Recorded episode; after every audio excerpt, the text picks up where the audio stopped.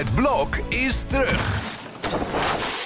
Vier koppels, vier bouwvallen, vier verbouwingen en dus een hele hoop stress. Het blok, iedere werkdag om half negen bij net vijf. Ze zijn jong, zijn nog jong. En hun harten liggen op hun tong. Altijd alert, erg alert. Hun mening eindelijk ongefilterd. Dit is Ongefilterd met Kitty en Elif. Het is kerst, Elif. Ja, gezellig. Ja, zit je een beetje in de kerstspirit? Ja, ontzettend. Eigenlijk wel. Ja, Ja? Het, is, het is vandaag kerstavond en eh, ja, we zenden dus uit op eerste kerstdag. Ja, ik moet dus werken met kerst. Dat, Oh. is, dat is een beetje lullig, denk ik, maar Maar er Ik- zal toch niet heel veel gebeuren? dat eh, hoop ik. Ja. Ik vind de sfeer van kerst wel altijd leuk. Maar ja, we zitten nu natuurlijk in lockdown, dus dat helpt niet echt, denk ik. Maar wat ik dus heel leuk vind aan, aan Nederland is dat heel veel mensen, het is een beetje trashy, maar dat heel veel van die mensen dan dus allemaal lichtjes, hun huis versieren met lichtjes. En als je dan een beetje door de polder heen rijdt of zo, dan zie je dus overal van die boerderijen en huizen met lichtjes en bomen met lichtjes en zo. Dat vind ik gewoon heel leuk. Ja, ik hou er ook heel erg van. Ja, Ik vind het echt heerlijk. Ik hou echt heel erg van kerst. Ik hou sowieso heel erg van december. En het is een beetje jammer. Vandaag is het weer een beetje warm. Maar de afgelopen dagen was het echt heel koud. Ik vind het niet warm hoor. Nee, maar 8 graden. Ik vind het Ja. echt, echt heel lekker als het dan echt 0 Sneeuwt. graden is. Gewoon en sneeuw het liefst en zo. Oh, dat is echt, I love it. Ja, ja, ik vind dat ook wel wat hebben, zoals ze dat zeggen. Maar goed, eh, genoeg eh, blije dingen. Waar heb je je aan geërgerd? Ehm, mensen die voordringen als je in een rij staat en dan ook heel opzichtig en schaamteloos. Want ik stond gisteren dus in mijn eentje in een ruim koffie. Ik stond te wachten tot iemand terugkwam bij de kassa, zodat ik koffie kon bestellen. En ik stond daar heel schattig te wachten. En toen kwam er zo'n vrouw en die passeerde me zo aan de linkerkant en die stond ook te wachten. En toen kwam die man aan, zeg maar de koffiemaker. en toen vroeg ze, mag ik een beker? Dus ik dacht, oh nou prima, ze komt eerst even een beker vragen. Dan mag je wel prima voordringen. Dus hij ging een beker halen. En toen zei ze, oh ja, mag ik ook nog een cappuccino en een water en een eh jus d'orange? En ik echt zo, ik zat er echt aan te kijken van, gast, hallo, ik sta hier al tien minuten. En ze zag me ook gewoon. Ze keek me ook gewoon aan. En ze keek me gewoon aan terwijl ze voordrong en gewoon ging bestellen. En ik was echt flabbergasted. Ik wist Heb echt je er niks van gezegd? Nee, Hoezo niet? omdat ik echt dacht, huh? Nou, ik stond letterlijk gewoon perplex. Je had gewoon full tokkie moeten gaan. Ja, dat had ik ook moeten. Maar ze liep ook daarna weg. Takkenwijf! Ja, nee, maar ik, ik keek er wel natuurlijk met mijn signature blik aan, zeg maar, heel boos. Maar ze, ze keek me Zo gewoon. kijk je altijd, dus... Ja, en dat, ik vind dat zo asociaal. Gewoon mensen die zo hardcore schaamteloos Ja, dat is heel schaamteloos. Ja, ik, ik maak het eigenlijk bijna nooit eh, mee. Nou ja, ik heb dus ja, ik heb, ehm, in Israël, daar drinkt iedereen dus heel erg voor. Dus toen ik daar een tijdje woonde, Oh, dat is verschrikkelijk. ja, dat is echt niet normaal. Je moet de hele tijd als een soort eh, hele tijd on, on guard gewoon je plek je plek bewaken in die samenleving. en anders dan drinkt de hele tijd iedereen voor. En ik, dat is een van de redenen waarom het leven zo uitputtend is daar. Omdat je dus de hele tijd gewoon kleine dingen uitputtend zijn. Omdat je de hele tijd on guard moet zijn. Dat je niet... eh, Oh, dat is wel echt. Wordt dus als je zeg maar even vijf seconden op je telefoon zit, dan staan er alweer twee mensen voor je. Ja. En dan als je er iets van zegt, dan is het dan eh, sorry, dat is dan in het Hebreeuws sliga. Dus dat zegt dan wel, oh sliga, sliga.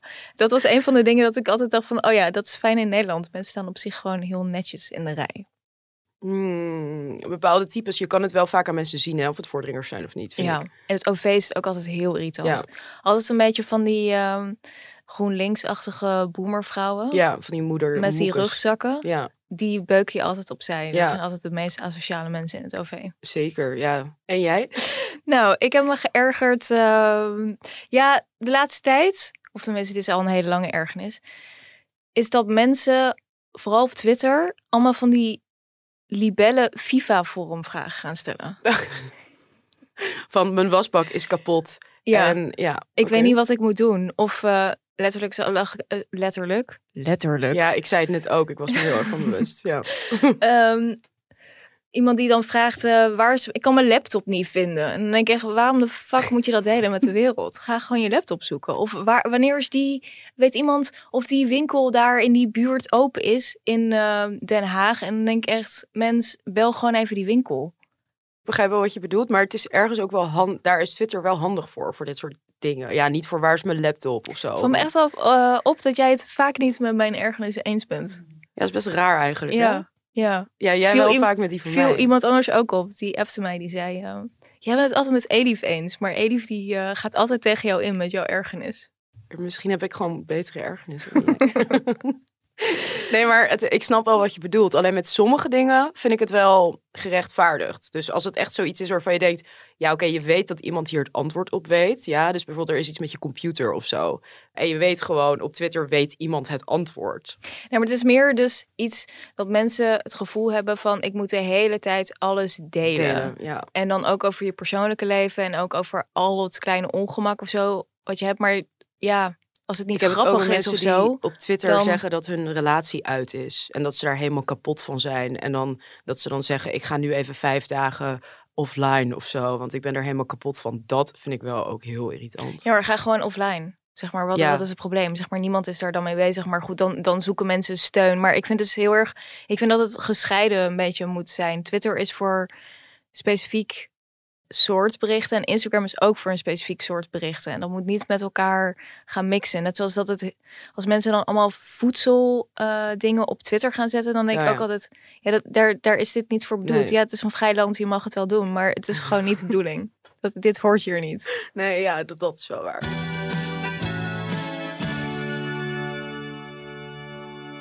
Maar goed, we gaan het vandaag over ehm, iets serieus hebben. En dat is namelijk de aangifte tegen Marco Borsato. En breder gaan we het hebben over eh MeToo en de beschuldiging van trial by media, die nu ook heel erg naar voren komt.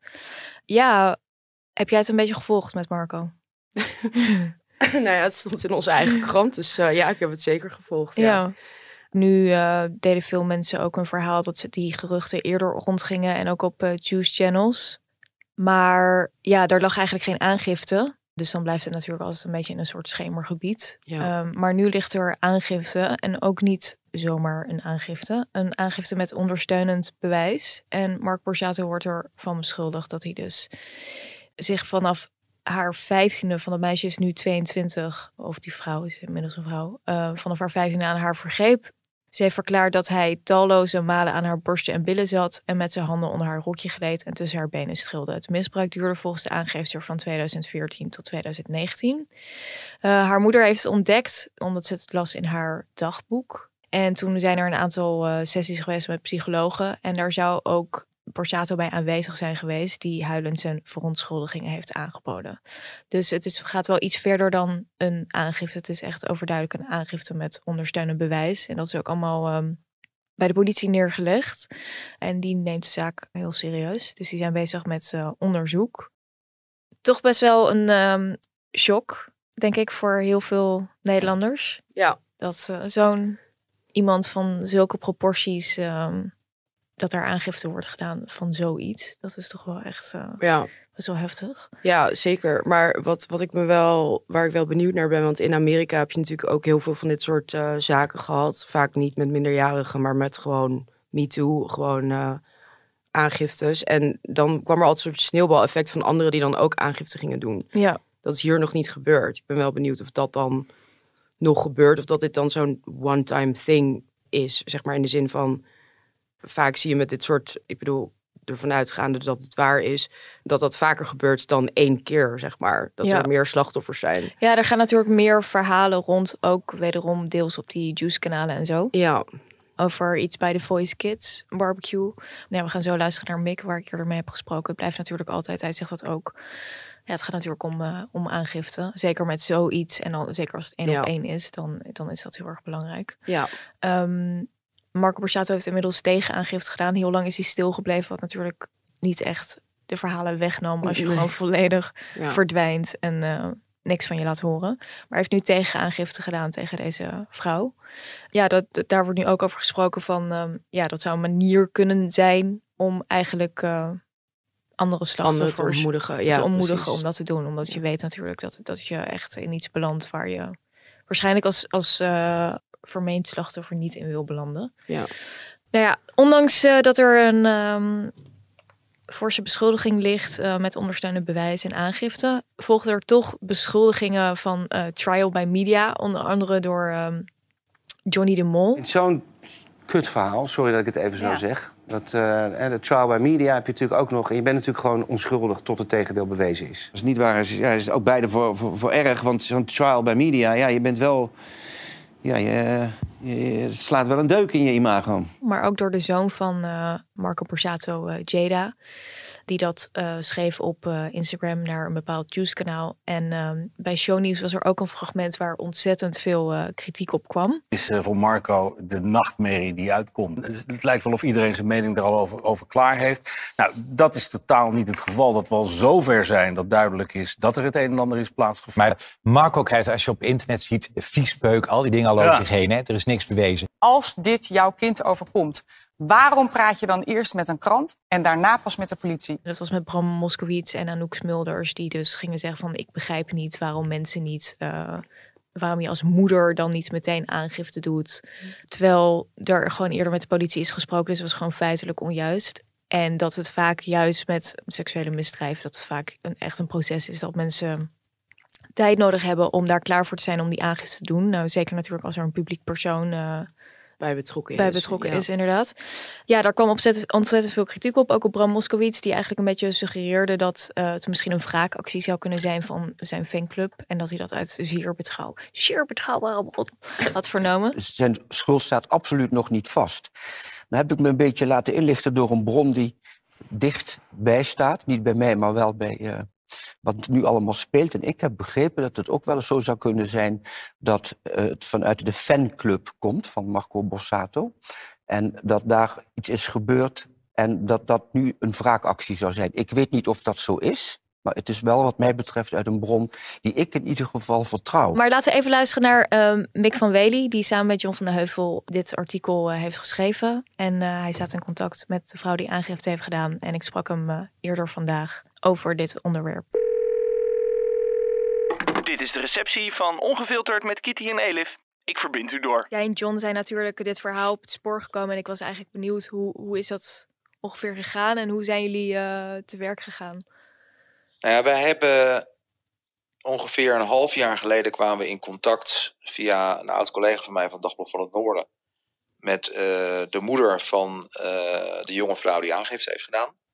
Toen wisten wij ook al dat er verhalen rondgingen over uh, Marco Borsato. Van, van hij zou zich schuldig hebben gemaakt aan handtastelijkheden bij, bij jonge meiden. Nou, mm -hmm. wij, wij hebben daar nooit ergens iets concreets van gezien, dus ook nooit iets mee gedaan. En toen hebben we geluisterd naar het verhaal van de moeder. En eigenlijk altijd op het standpunt gestaan van ja, zonder aangifte geen verhaal. En we hebben ook bewust hebben we het ook weer een tijd laten liggen. En uh, weet je wel, gaan we verder met andere dingen.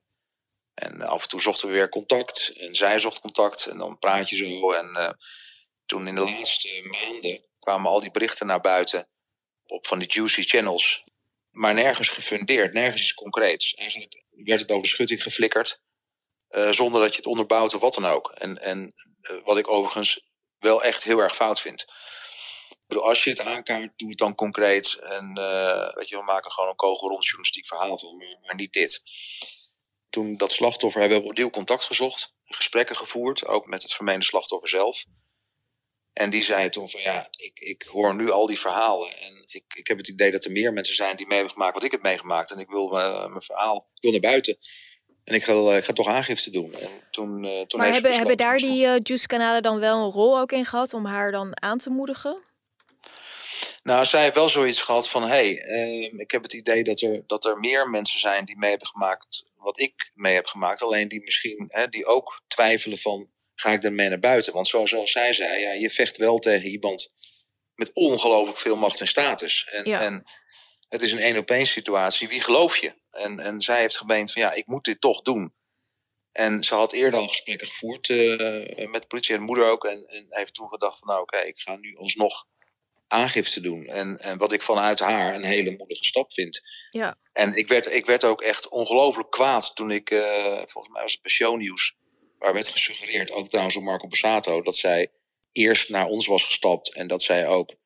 Nee, dat, dat, dat aspect vooral. En, en, en dat de aangifte een reactie was op de oproep van Marco: van nou, kom maar op met verhalen. En dat is niet waar, want ze heeft al, al, al weken voordat wij hebben gepubliceerd, had ze al contact met de politie. En Dus dat staat daar gewoon los, want het is gewoon voor haar verhaal, haar wens om dit te doen. En dat moet je respecteren. Want dat is wat Marco Borsato eigenlijk nu zegt. Van ehm, dit is een reactie, een reactie op dat Ja. ik dat onderzoek of zo wil doen. Ja, hij heeft, hij heeft, hij heeft in de verklaring zoiets iets gezegd. Van, eh, dat een reactie was op zijn persbericht, of een bericht waarin hij zei dat, hij, eh, dat er onderzoek moet komen eh, naar aantijgingen. Ja. Dat verhaal. En wat was jouw aanvankelijke reactie toen je dit hoorde? Of toen je met het verhaal in aanraking kwam? Nou, ik vind, vind van alle onderdelen van mijn vak vind ik eh, zedenzaken het meest lastig. Omdat het zijn vaak één op één situaties. En, en soms, met alle respect, zijn het ook, eh, ja, spelen er ook allerlei conflicten op de achtergrond. Allerlei, eh, bijvoorbeeld, soms worden vechtscheidingen uitgevochten met aangiftes van zeden. Dus het zijn hele moeilijke zaken. En in dit geval ging het om iets wat lang geleden is gebeurd. Hè, maar eh, ja, als je dan meerdere gesprekken voert en iemand een consistent verhaal heeft, dan uh, je gaat luisteren, dingen die ze vertelt, later nog een keer, maak je aantekeningen, bespreek je dat met elkaar. Daarom ook, hebben we het ook met z'n tweeën en zelfs met, ook met uh, assistentie van de, van de collega van het Dagblad gedaan. Mhm. Kijk, ik ben geen rechter, ik ga niet beoordelen of, of, of Marco schuldig is. Ik kan wel zeggen, als wij hadden getwijfeld aan het waarheidsgehalte, wat er nou, dit is een vrouw die uit is op wraak of, of het slaat nergens op dan had ik echt geen verhaal over getikt. Dus wij zijn hier heel zorgvuldig. Lang hebben we dit, uh, hebben we dit uh, bekeken en uh, uiteindelijk besloten om er een verhaal over te schrijven. Ja, want ik zag ook dat um, bijvoorbeeld Johnny de Mol, die, ja, die had het in zijn talkshow ook over trial by media. En dat wordt nu ook gezegd eigenlijk door, door de zoon van uh, Marco Borsato. Hoe kijk je daarnaar dat mensen op die manier erover praten? Nou, ik, ik, ik herken die discussie. Dat was toen ook bij, toen we het nieuws hadden gebracht van Quincy Promes, dat hij uh, op was gepakt voor een poging doodslag, hè, voor een steekpartij. Toen Ja. was hetzelfde verhaal van ja, maar je vernielt iemands carrière. Wat een onzin. Moet je, moet je niet doen omdat het een bekend iemand is? Dat is volslagen onzin. Waarom zou je dat wel mogen doen bij een, een of andere boer uit Oost-Groningen en, en, en niet bij Marco of bij Quincy Promes? En daar hebben we ook de juiste inschatting gemaakt van oké, is het gewoon een kansloze aangifte of is het echt een serieuze zaak waar echt wel goed naar gekeken wordt in ieder geval en de kans van slagen dat er ook vervolgd wordt? Ja, Nou, dat hebben we daar zo ingeschat en dat hebben we hier ook ingeschat. En niks trial bij media. Er is gewoon aangifte gedaan. Het is gewoon een nieuwswaardig feit. Klaar. ja, precies. Ja, wat vind je er dan van dat zo iemand als Johnny de Mol een beetje daar, uh, ja, daarop in haakt? Nou, ik, ik heb vanuit die hoek met alle respect al, al meermalen uh, ook bij shownieuws dingen gehoord. Bijvoorbeeld de aantijging van, uh, ja, wat raar dat ze eerst naar de Telegraaf stapt en dan naar de politie. Nee, ja. het klopt dus gewoon niet. Als je dat soort onzin roept, of als je daarover dingen wil zoeken, verdiep je er dan eerst even en praat geen onzin. Nee. En, en, en ik word een beetje moe van het trial bij media. Er is gewoon aangifte gedaan. En, en ik denk dat dezelfde zender mij meteen zou bellen op het moment dat iemand aangifte zou doen tegen een andere persoon. En uh, dan zouden ze dat maar al te mooi nieuws vinden. Dus Ja. ik, ik vind het ontzettend hypocriet. En met alle respect hoor, want ik vind Johnny een, echt een prima gozer. Maar er komt niet aan met trial by media bij mij. Nee. Hey, en ehm, ja, eh Elif en ik gaan het ook hebben over eh, ja, de invloed van MeToo op hoe we naar dit soort dingen kijken. Eh, want er is natuurlijk de afgelopen eh, ma- jaren... ma- ma- mag Ja. ik je heel even onderbreken? Want je noemt nu MeToo, hè? Ja. MeToo, de ene na de andere persoon werd aan de schandpagel genageld bij MeToo. Zonder dat er één aangifte werd gedaan. Kon allemaal. De meest toonaangevende media, ja, die heeft met zijn poot ergens uit. Ja, die. En die vertelt verhalen over die. Kon allemaal, geen enkel probleem. Hier ligt er een concrete aangifte. Ja, En dat is wel een paar stappen verder. ja, Dus, dus dat vond ik ook verschrikkelijk hypocriet. ja. Maar ik vond wel opvallend om te zien dat ehm, de reacties van mensen op shownieuws... dat de manier hoe het slachtoffer werd weggezet... en dat mensen toen breed hadden over, nou ja, goed, een soort victim blaming en zo... daar was ik eigenlijk wel positief door verrast. Dat, eh, dat dacht ik, oh ja, MeToo heeft eigenlijk wel een werking gehad... op dat we toch anders daarnaar zouden gaan kijken... en toch veel meer vanuit het slachtoffer denken... in plaats van uit de dader van, oh, dat is weer iemand die wraak wil. Dat dat, dat, dat, Mhm. dat toch al snel de aanname is. Hoe, hoe kijk jij daarnaar? Ik weet niet of, of er meer of minder wordt gekeken naar iemands rol als slachtoffer. La, laat ik zo zeggen, misschien heeft MeToo daar wel, eh, wel invloed op gehad. Wat ik wel heel vervelend vind, is dat er heel snel over iemand wordt geoordeeld die aangifte doet, dat, dat die iemands leven kapot maakt. Ja, Ik bedoel, stel hè, dat iemand is, is lange tijd misbruikt of, of, of heeft een hele vervelende ervaring mee, zit, loopt er jarenlang mee rond. Wie is dan het slachtoffer? Ja. En waarom heb je dan niet het recht om, om daar iets mee te doen? Dat is toch, toch echt van de zotte. Ja. Maar dat is natuurlijk, mensen kennen dan iemand als een bepaald publiek figuur. En ja, daar kunnen ze misschien zich dan eerder in verplaatsen of zo. Ja, ik weet niet zo goed wat het is. Ja, misschien heeft het soms ook bij, bij bepaalde programma's gewoon te maken met een soort vriendjespolitiek. Dat ze iemand eh, heel erg goed kennen en eh, alle kanalen gebruiken om diegene te verdedigen. Ja. En daarbij alle objectiviteit volledig verliezen. ja, of het gewoon zelf natuurlijk ook niet kunnen geloven. Dat als je iemand goed kent, dat dit Ja. misschien waar zou kunnen zijn.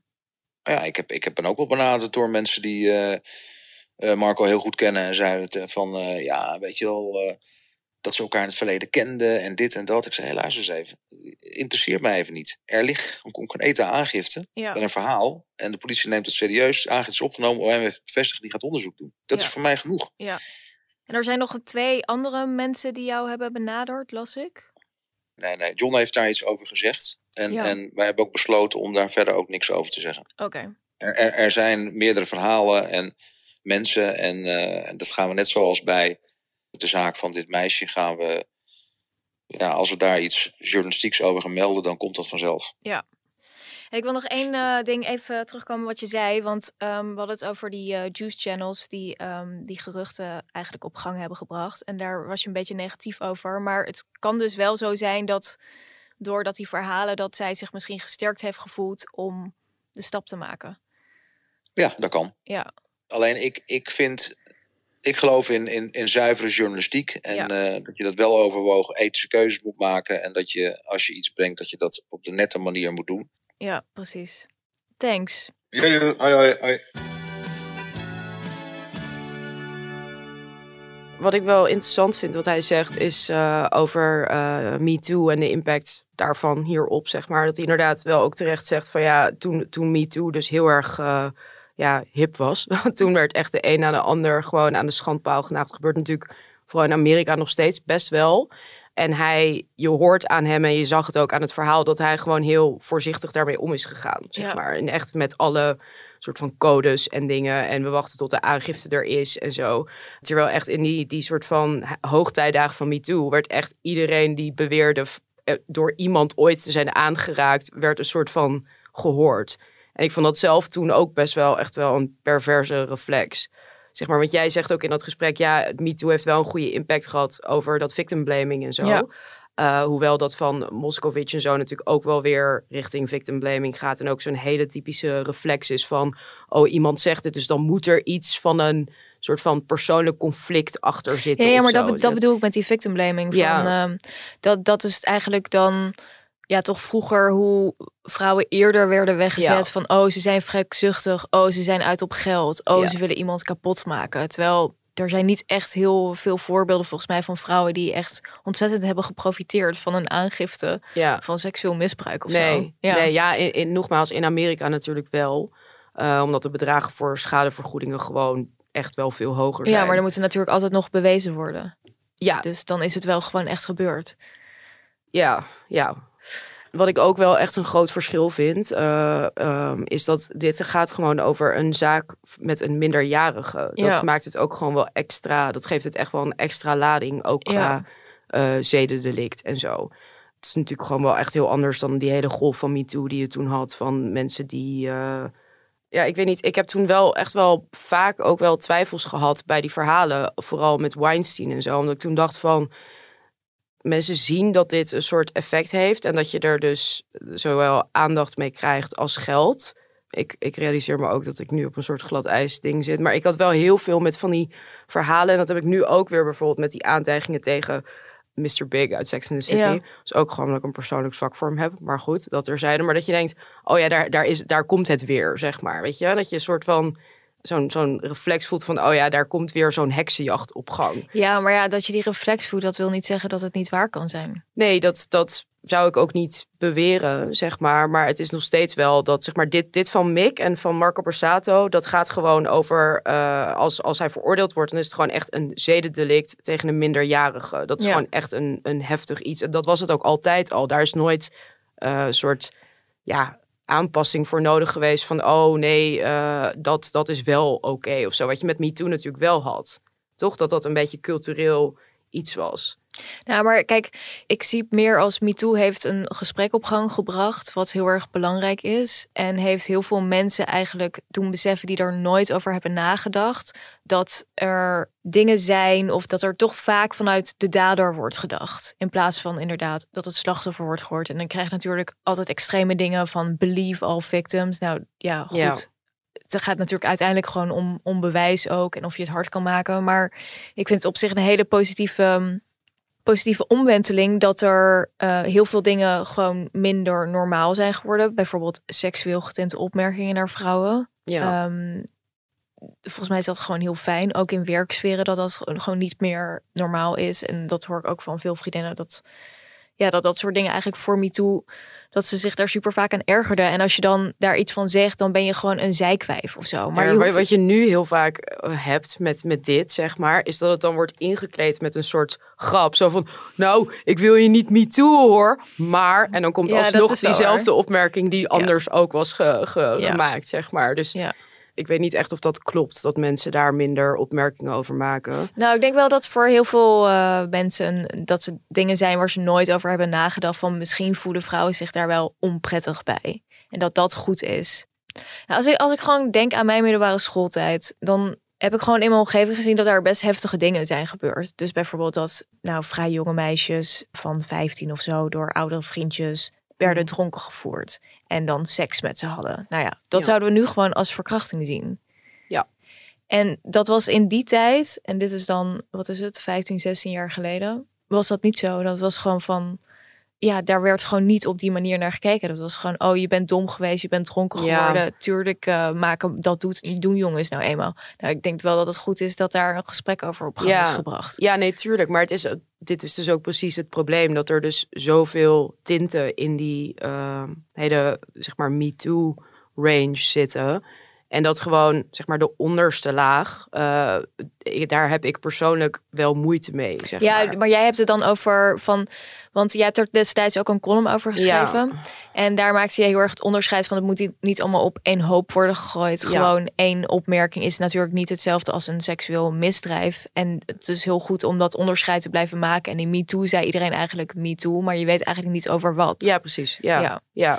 Maar ik dat, zie dat. ik vind dat nog steeds wel. Dat, dat met deze discussie, het is wel iets minder geworden. Dus wat je in die, tijdens die periode heel erg had, wat ik net zei, van alles werd breed uitgemeten. Dat is nu niet meer zo. Dus het is nu niet zo dat elk iemand die iets roept over MeToo, dat dat dan direct heel veel aandacht krijgt. Dus dat vind ik al wel beter. Maar wat je net bijvoorbeeld zei over die seksuele opmerkingen en zo. Ik vind dat ook een beetje. Het, het is natuurlijk wel onprettig, vaak. Ook niet altijd. Maar ik vind ergens nog steeds wel dat dat een beetje zoiets is wat wel moet kunnen of zo. Maar goed, ja, ik ben daar echt gewoon een, een, een oude boomer in, in dat opzicht. Ja, maar het ligt er natuurlijk aan wat. En als bijvoorbeeld. ehm, Maar noem eens een voorbeeld van iets wat je, wat je niet vindt kunnen. Nou, op bijvoorbeeld een, vriendin, eh, dat een collega dan eh, zei: Oh, ik vind het echt heel geil als je die lippenstift opdoet. Of dat meerdere keren dat soort dingen zegt. Maar de- ik vind dat altijd zo raar. Dat, dat, zeg maar, hoe je dat dan... Het is niet een grapje of zo. Ik vind dat gewoon heel raar dat je dat zegt. Gewoon dus meer vanuit de persoon die het zegt. Dat je denkt van... Ik vind echt een hele rare opmerking. Ja, of eh, dingen als dat ehm, een collega de hele tijd zo je nek gaat masseren. Een mannelijke collega. En dat je zegt, eh, kan je daar even mee kappen? En dat zo iemand eh, dan zo, nou, nou, niet zo eh feisty hoor. En dan bezig blijft op die manier. Ja, ja oké. dat is dan een aanraking. Dat is weer dan wel weer wat heftiger, vind ik, dan een opmerking. Ja, maar dat we dat heftiger zijn gaan vinden over aanrakingen, dat dat niet vanzelfsprekend is om iemand, dat komt ook deels door mee toe. Maar zou jij het erg vinden als, eh, als een, een mannelijke collega tegen jou zou zeggen van... Nou, je hebt echt een goed decolleté in dat blouseje. Ja, ik zou het niet erg vinden, maar ehm, ik vind het ook niet echt. Ik denk dat je prima zo'n opmerking voor je kan houden. En ik denk ook dat dat beter is in de werksferen. Ja, nou ja, ja, ik weet niet. Ik vind, ik heb Ik vind sowieso, het, het trouwens niet alleen in de werksferen, dit soort opmerkingen moet je sowieso voor je houden. Maar als, als een vrouw dat tegen je zou zeggen, dit is echt sowieso iets wat ik ook zou kunnen zeggen. Vind je het dan ook erg? Ehm, nee, Nou, Maar ik vind het niet erg, dat zeg ik niet, hè? Het is niet nee, erg. oké, maar vind je, dat het- dan, vind je dan hetzelfde? Vind je dat helemaal hetzelfde? Wat bedoel je helemaal hetzelfde? Nee, het is toch anders? Vrouwen onder elkaar is toch sowieso anders? Ja, ik vind, ja, dat vind ik dus wel meevallen, ergens. Het, Ja. hangt er wel van, het hangt wel echt af, vind ik, van de, de soort van... eh, de, de creepiness factor Ja, van maar iemand. kijk, daarom, is het goed, denk ik, om dus grenzen te hebben van bepaalde dingen kun je beter niet op werk zeggen. Het is niet een ramp als je het wel zegt. Of het is, kan gewoon een spontane opmerking. Of met sommigen heb je vriendschappelijke relaties misschien op werk. Maar je kunt gewoon Mm. over het algemeen beter niet de hele tijd dat soort opmerkingen maken. Nee, Want je weet nooit hoe het valt. Misschien is een ander daar niet van gediend. Weet je? Dat, Ja. dat zijn allemaal dingen die gewoon goed zijn om over na te denken. En we hebben natuurlijk in Nederland sowieso best wel een vrije werkcultuur, een vrije manier van omgaan eh, met collega's. Maar in België is het bijvoorbeeld al niet normaal om te vragen: wat heb je in het weekend gedaan? Want Oh het ja. wordt als een soort inbreuk op je privacy ge- gezien. Ja. Dus dat zijn Gaat ook je helemaal allemaal niks aan. Gaat je helemaal niks aan. Ga ik voortaan zeggen als mensen me Ja. dat vragen. Dat vertel ik liever niet. Maar goed, ja, we hebben natuurlijk in MeToo uh, in Nederland hebben we natuurlijk die Gijs van Dam gehad. Uh, nou, dat ja, is natuurlijk ja. helemaal misgelopen. Ja. En Job Goschalk van dat uh, castingbureau, die is geloof ik uh, gevlucht naar het buitenland. Iemand zei laatst, want het is toch wel opvallend dat dat hele MeToo als, is als een soort vrouwending op gang gekomen. En uiteindelijk is het helemaal weer gekaapt door mannen. Mannen. Ja, ook al. Ook al. Maar goed, uh, ja, die Gijs van Dam, ja, dat is natuurlijk wel echt een. Uh, dat, dat is denk ik wel echt een voorbeeld van trial by media. Ja, dat was wel Ja. echt serieus heel heftig. Vooral als je kijkt naar toen het gebeurde, die, al die omstandigheden die erbij waren. En die ook steeds, zeg maar, het plaatje werd op een gegeven moment steeds vollediger. En toen zag je ook een beetje dat mensen dachten, oh, oké, trial by media, inderdaad. Zeg Ja. maar. Dus daarom is het ook wel goed dat je daar voorzichtig uh, mee bent als medium. En dus wat Mick ook al zei. Maar ja, die juice channels, die hebben daar echt totaal geen boodschap aan. Die flikkeren Ja, maar je hebt, wel, je hebt, nou, je hebt wel verschil hoor. Maar bijvoorbeeld zo iemand als die uh, Yvonne Kolderweijer, die volg ik. Uh, Ja, ja, ik ben Weet echt een beetje fan van haar. maar um, uh, die, die, ik heb niet het idee dat zij alles maar op straat of zo gooit. Nee, maar het is, er zitten wel gewoon lagere standaarden aan een verhaal brengen, zeg maar. Ik bedoel, je weet zelf ook hoe moeilijk het is om als je een, een verhaal hebt wat echt inderdaad mogelijk explosief is, hoeveel hoepels je door moet voordat je dat Ja. mag publiceren. Maar soms weet je wel gewoon dat het echt waar Ja, is. daarom. Maar Ja. daarom. En dan zeg maar het aantal hoepels wat je door moet voordat Ja. het dus publicabel is, is Ja. echt immens. Vooral bij dit soort dingen. Ja, maar daarom, ja, als het niet waar is, kan je gewoon rechtszaak aanspannen. Ja. Smaad en laster. En die win je dan gewoon. Ja. Maar dat doe je niet. En dat, dat, dat is dus bij zo iemand als die Yvonne ook niet gebeurd. Dus Maar dat is ik, dus met Marco, met die tegenaangifte. Ja, is dus wel, ik denk van als hij dus eh, veroordeeld wordt, dan heeft hij dus wel echt een probleem. ja, Dus dat vond ik al wel interessant dat hij dat deed. Ehm, want dat je dus eerst heel lang stil blijft en dat je dan die move maakt. ja. Ja, nou ja, goed. We gaan het allemaal meemaken. Het grootste showbiz-schandaal van de eeuw. Of nou ja, van de eeuw. Ik weet het niet. Nou. maar wel in Nederland wat we ooit hebben gezien, denk ik. Ik denk het ook wel, ja. Ja. Ja. Maar goed, ja, die eh, Gijs van Dam, eh, ja, die was dus door Jelle Brandkorsjes beschuldigd dat hij hem had verkracht. Dat bleek toen eh, toch twee lezingen te zijn van een verhaal. En dat vond ik dus ook heel interessant aan dat MeToo gebeuren. Dat gewoon hoe het gaat in je geheugen. Zeg maar, je kunt denken dat je iets hebt meegemaakt. Ja. En dat, ik, ik geloof echt oprecht dat die eh, Jelle Brandkorsjes gewoon gelooft van ik ben verkracht. En dat die eh, Gijs van Dam gewoon oprecht gelooft van nee, we hebben gewoon seks gehad. ja.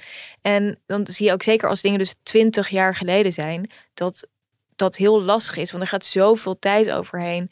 En misschien praat je er eerst niet over. En dan vertel je eens een keer aan een vriend. En die zegt dan, nou, dat moet je wel echt Ja. heel serieus nemen. Ja, Misschien ben je wel verkracht. Eigenlijk is dat verkrachting. ja.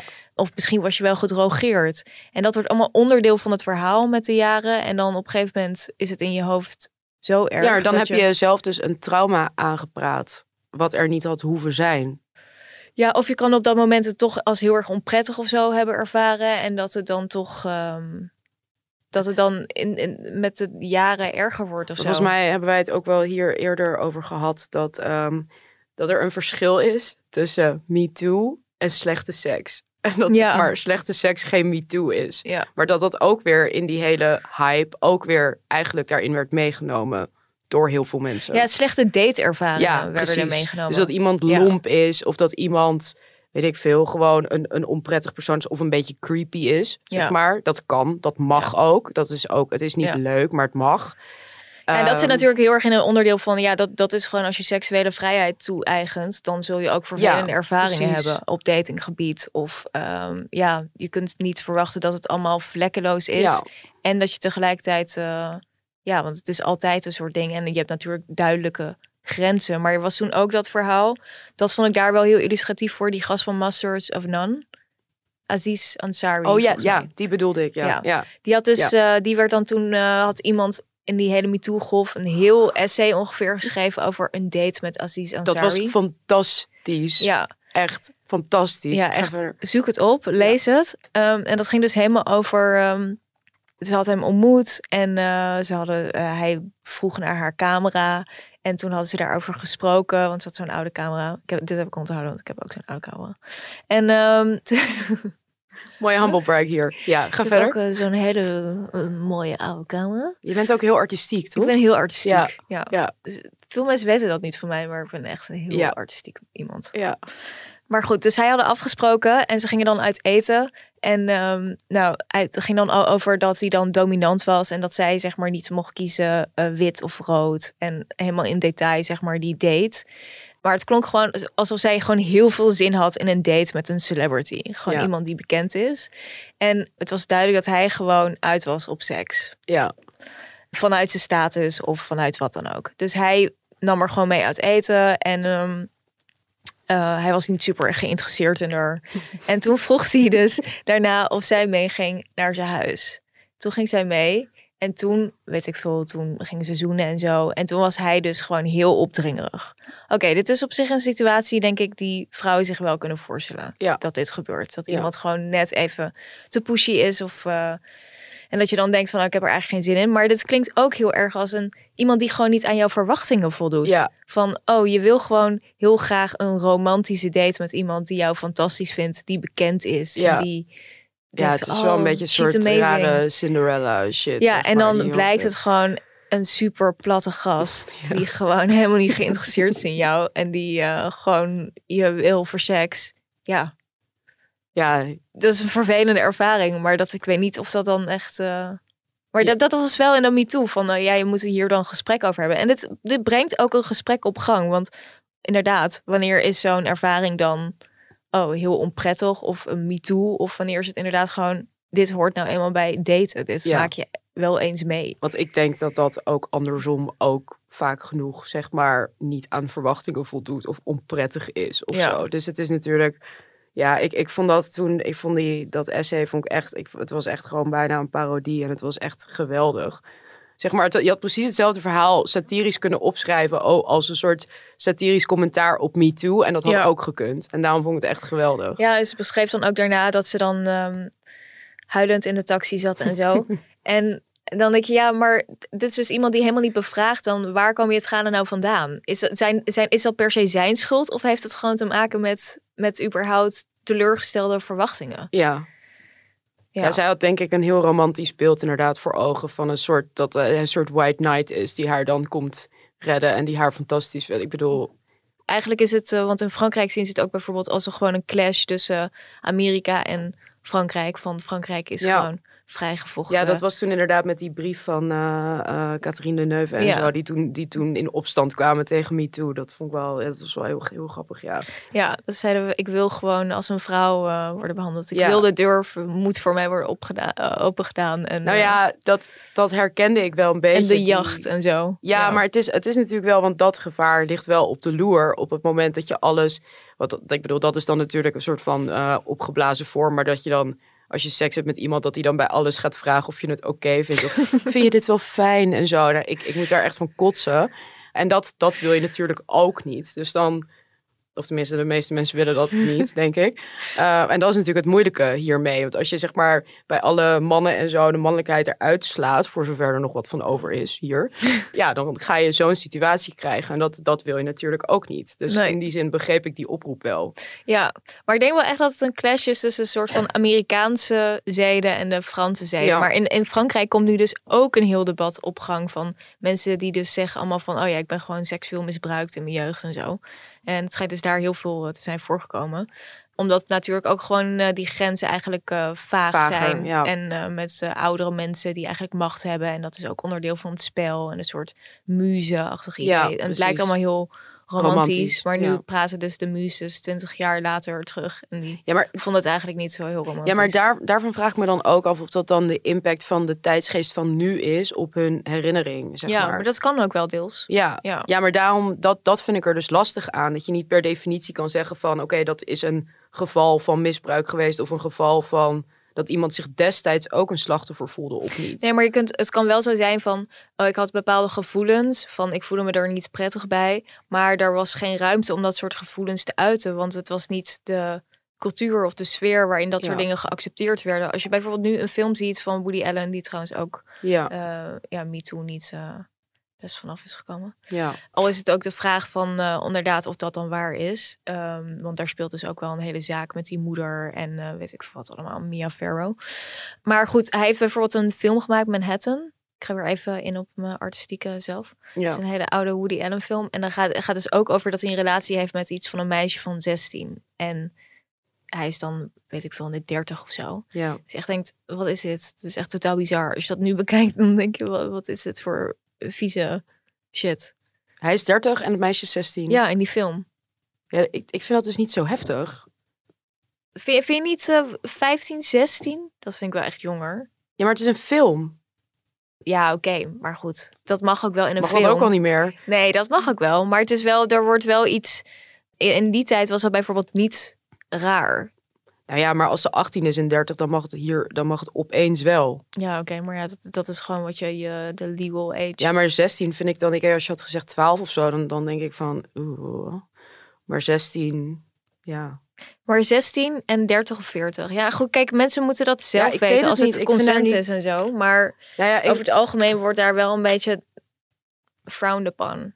ja, frowned upon, maar dat is niet hetzelfde als een misdrijf of als een iets waar je voor, zeg maar, moet bloeden of dood moet of zo. 15 is gewoon eh, statutory rape, toch? Ja, 15, maar 16 Ja. dus niet. Ik weet niet hoe dat in Amerika Volgens mij is 16, volgens mij, zeg ik nu even zonder het onderzoek, maar volgens mij is het 16. Nou, eh, we kunnen hier denk ik nog uren over doorpraten. Maar ehm, we gaan er toch een einde aan breien. Ja, jammer. Ja, misschien dat we nog een keer een aflevering hierover maken. Ja, Me Too Part 2.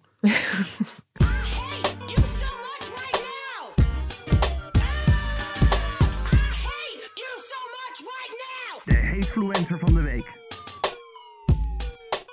ja we hebben weer een eh, leuke tweet gevonden. Het gaat wel veel over Twitter vandaag.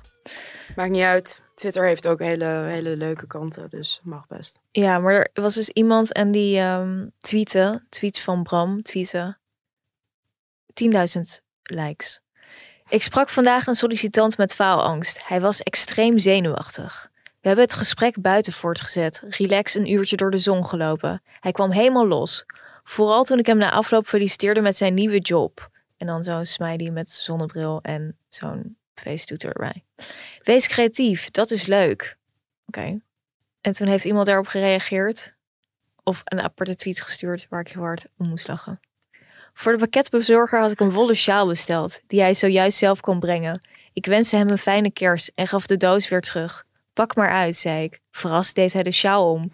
Heerlijk warm, sprak hij. Bijna net zo warm als mijn gebaar. We lachten samen. Zo leuk. Ja, dit Oh. is Stuimag Weertje. Echt iedereen volg hem. Hij is heel grappig Ja. op Twitter. Maar ja, goed, dat, dat is dus echt een genre op Twitter. Dat mensen zo soort van kijk mij, mijn goede daden. Ja. Dat Ja. is echt, echt ontzettend cringe. En Afgrijzelijk. Ja. Echt. ik vind het heel leuk als mensen goede daden doen. Maar wat is er mis met dat het voor jezelf houden? Dat Ja. vraag ik me altijd af. Ja. Je moet dan al meteen zo van, eh, oh, er stond iemand voor me in de rij en die had niet 50 cent te weinig. Ik heb het hem toegeschoven en Ja. ze zei, laat maar zitten. En ik Ja. echt, dude, dat is echt basic decency. Het is echt verschrikkelijk. Het is echt, ik haat, ik haat dat. Maar wat het, het grappige was, jij stuurde mij die tweet van eh onstuimig weertje, stuimig weertje. Stuimig weertje. Ehm, en ik dacht dus eerst dat het, dat het een echte was. En ik dacht echt, wauw, dit is echt verreweg de ergste die ik tot nu toe heb gehoord. het, is, het, is, het is bijna niet meer van, in, in, eh, van feit een fictie te onderscheiden. Nee. Omdat mensen zo over de top Ja. gaan af en toe, dat, het, dat je niet weet of ze serieus zijn of dat het satire is. Ja, Ja. ja, nee, het is is geweldig. En eh, dit relateert ook een beetje aan eh, How Can I Make This About Me? Ook een volgtip op Twitter en Instagram. Ja. Eh, en, de- en ook een beetje waar we het eerder over hadden. De mensen die dan dus als er iemand doodgaat... dan willen laten zien dat zij ooit met hem in de rij in de supermarkt hebben gestaan. Ja, maar dat, daar, dat is dus waar How Can I Make This About Me over Ja. gaat. Dus die doet dan de hele tijd van die mensen die dan... Even kijken, had een hele chille... Ja, die ene, ik weet ook wie je bedoelt. Ene Roland Kroes, die twittert. Ik stond om half acht met een elektricien bij de buurvrouw van 96... omdat daar vannacht de stroom bleek uitgevallen. Hoe is jullie dag begonnen? Ja, echt. Pff, maar wat wil je? Een medaille? Omdat je een keer iets aardigs Omdat je doet iets voor aardigs iemand? hebt gedaan. Hoe ben je normaal dan? Ja. Als je er niet over tweet. Ja. nou, dat was nog een beetje haat om ehm, de kerst mee in te gaan. Ja. Ehm, we wensen jullie allemaal hele fijne kerstdagen en een gelukkig nieuwjaar. Ja, Eh, en we zijn er weer in het nieuwe jaar.